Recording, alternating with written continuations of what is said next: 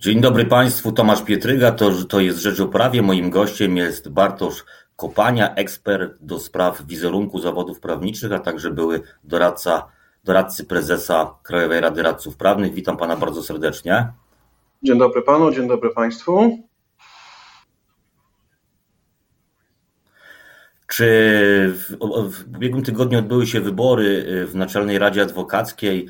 E, wygrał Przemysław Rossati, przedstawiciel młodego pokolenia adwokatury. Wcześniej e, prezesem samorządu radcowskiego został Włodzimierz Chruścik, również młode pokolenie. Czy to znaczy, że w zawodach prawniczych dokonuje się jakaś przemiana pokoleniowa w tej chwili?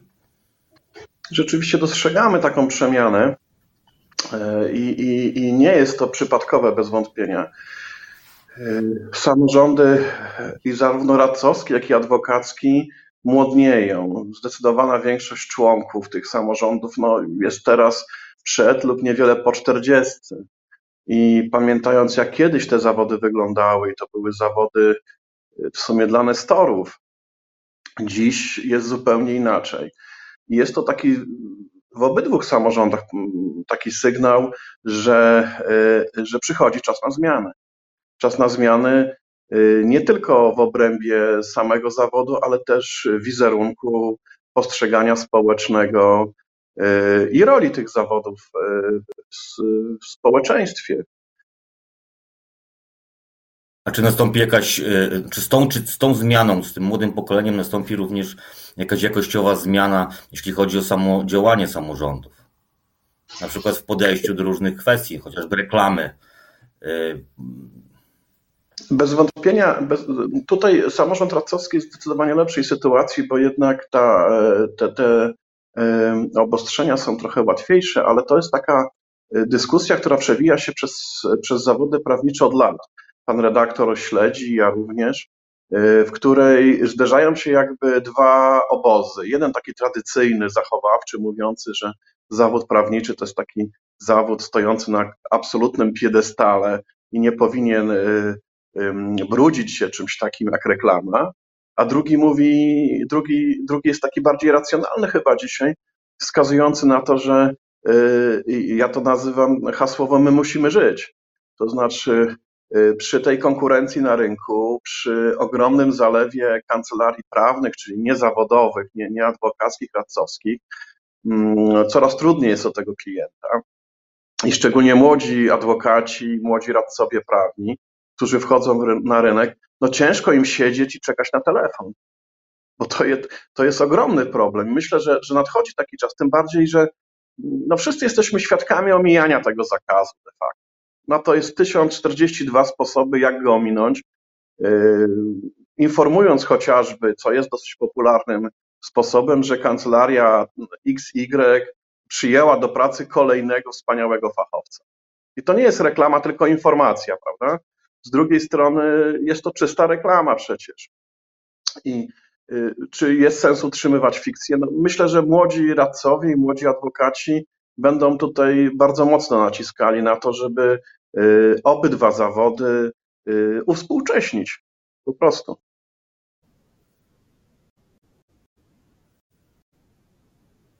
Czyli można powiedzieć, czyli można powiedzieć, że te zawody, no zwłaszcza e, zawód adwokacki, on będzie tracił na etosie, tak? Znaczy takie normy, które no, jakby wymykały się e, e, kosztów, no, w pewnych one nie miały znaczenia dla adwokatury. One były wpisane i jakoś, jakoś one były przez właściwie dekady dosyć, dosyć twarde. Ja rozumiem, że to się już na trwale zmienia i, ta, i te zmiany które są właśnie we władzach, no to to jest ta, jaskółka, tak? Tak to rozumieć?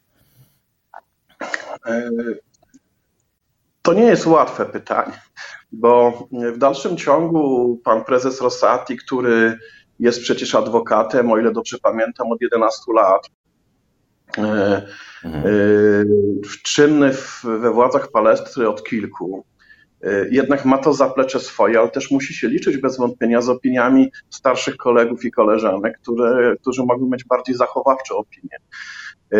To jest, to zapewne trzeba przebadać w adwokaturze i zapytać się samych adwokatów, jak oni czują ten problem. To znaczy, czy więcej etosu i mniej pieniędzy, czy więcej pieniędzy i mniej etosu. Tak? No, trochę wulgaryzując ten problem, ale to tak wygląda.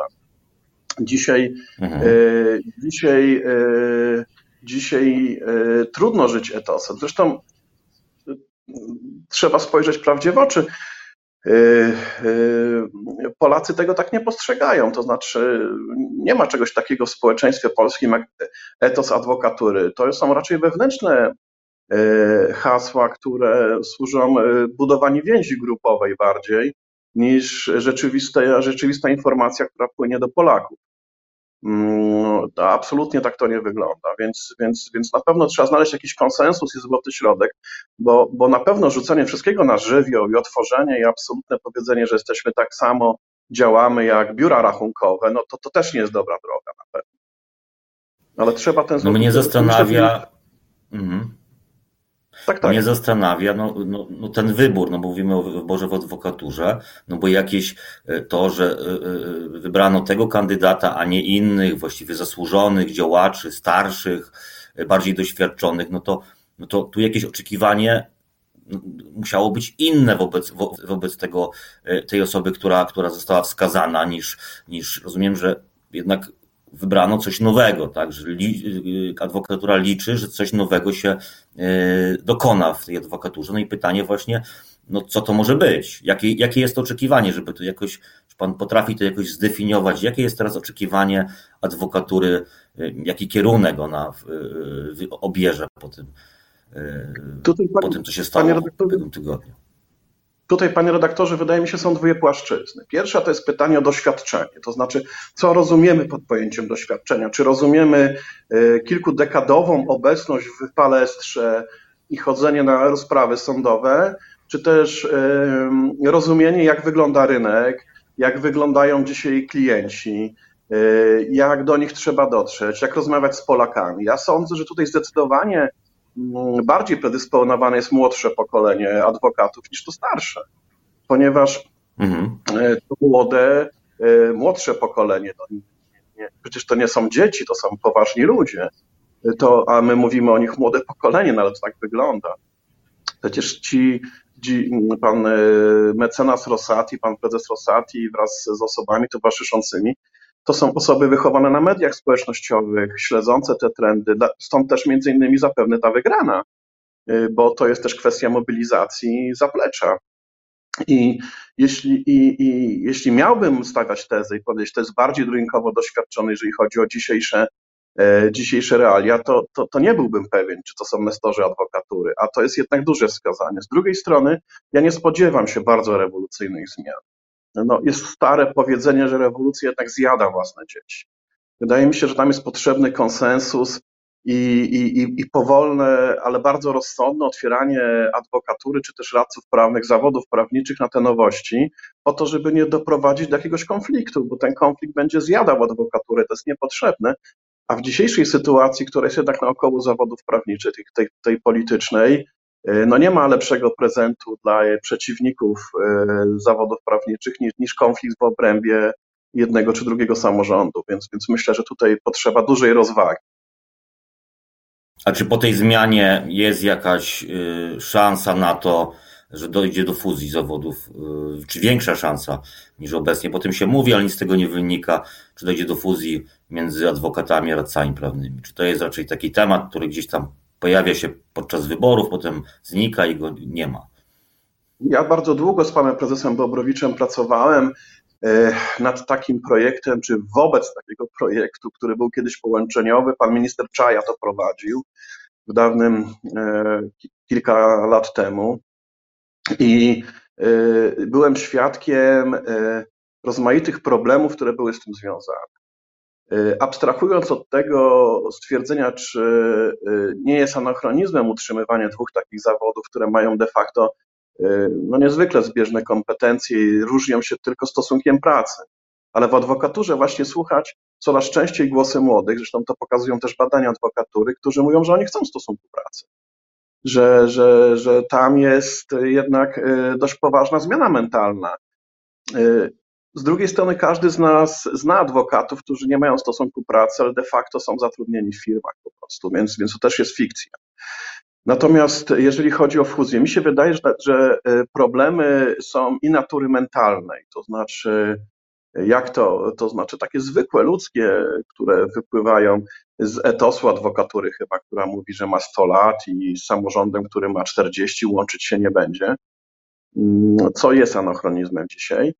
Z drugiej strony są kwestie majątkowe, połączenia obu zawodów, pytanie o kwestie osób, które są zatrudnione właśnie na podstawie stosunku pracy.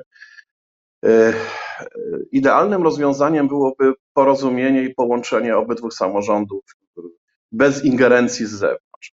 Dzisiaj wszakże jest taka sytuacja, że jeden podpis pana ministra i sejmowa ustawa nowa, która mogłaby przejść błyskawicznie przez Sejm i nikt by tego na zewnątrz nie zauważył de facto. To też rząd, y, chcąc to robić, może to przeprowadzić, ma carte blanche na to. Mamy inne problemy. Do tego nie spieszy. Tak, do tego się jakoś nie tak, spieszy. Tak, no bo, bo Dokładnie. Wydaje mi się, że to Proszę właśnie... potrzebny bałagan. Po prostu, mhm. tak. No tak, jeżeli było, odbyłoby się to bez zgody samych zainteresowanych, to rzeczywiście myślę, że wywołałoby to spory konflikt. A proszę jeszcze powiedzieć, no mamy, mamy epidemię koronawirusa przeciągającą się już ponad rok, yy, żyjemy w izolacji. Jaki wpływ pandemia ma na, na, na zawody prawnicze i na samorządy? Tu są doskonałe badania, to jest raz, a dwa, y, no to wszyscy widzimy badania pokazujące, że wygrywają na rynku ci, którzy zrozumieli, że nowe technologie i nowy sposób komunikacji z klientem są kluczem do tego sukcesu. Dość ciężko w pandemii utrzymywać tradycyjny model prowadzenia kancelarii. Oczywiście no, nie, nie przekreślam tego, bo są takie kancelarie, które to robią i pewnie świetnie funkcjonują. Natomiast generalnie rzecz biorąc, trzeba to zmieniać. I e, w badaniach, które robiła Krajowa Rada Radców Prawnych, chociażby w zeszłym roku, też badaniach międzynarodowych, wyraźnie widać, że odsetek kancelarii adwokackich czy radcowskich w Polsce, czy adwokackich na świecie, które e, zmieniają model funkcjonowania, przechodzą na taki model internetowy, model komunikacji zdalnej, e,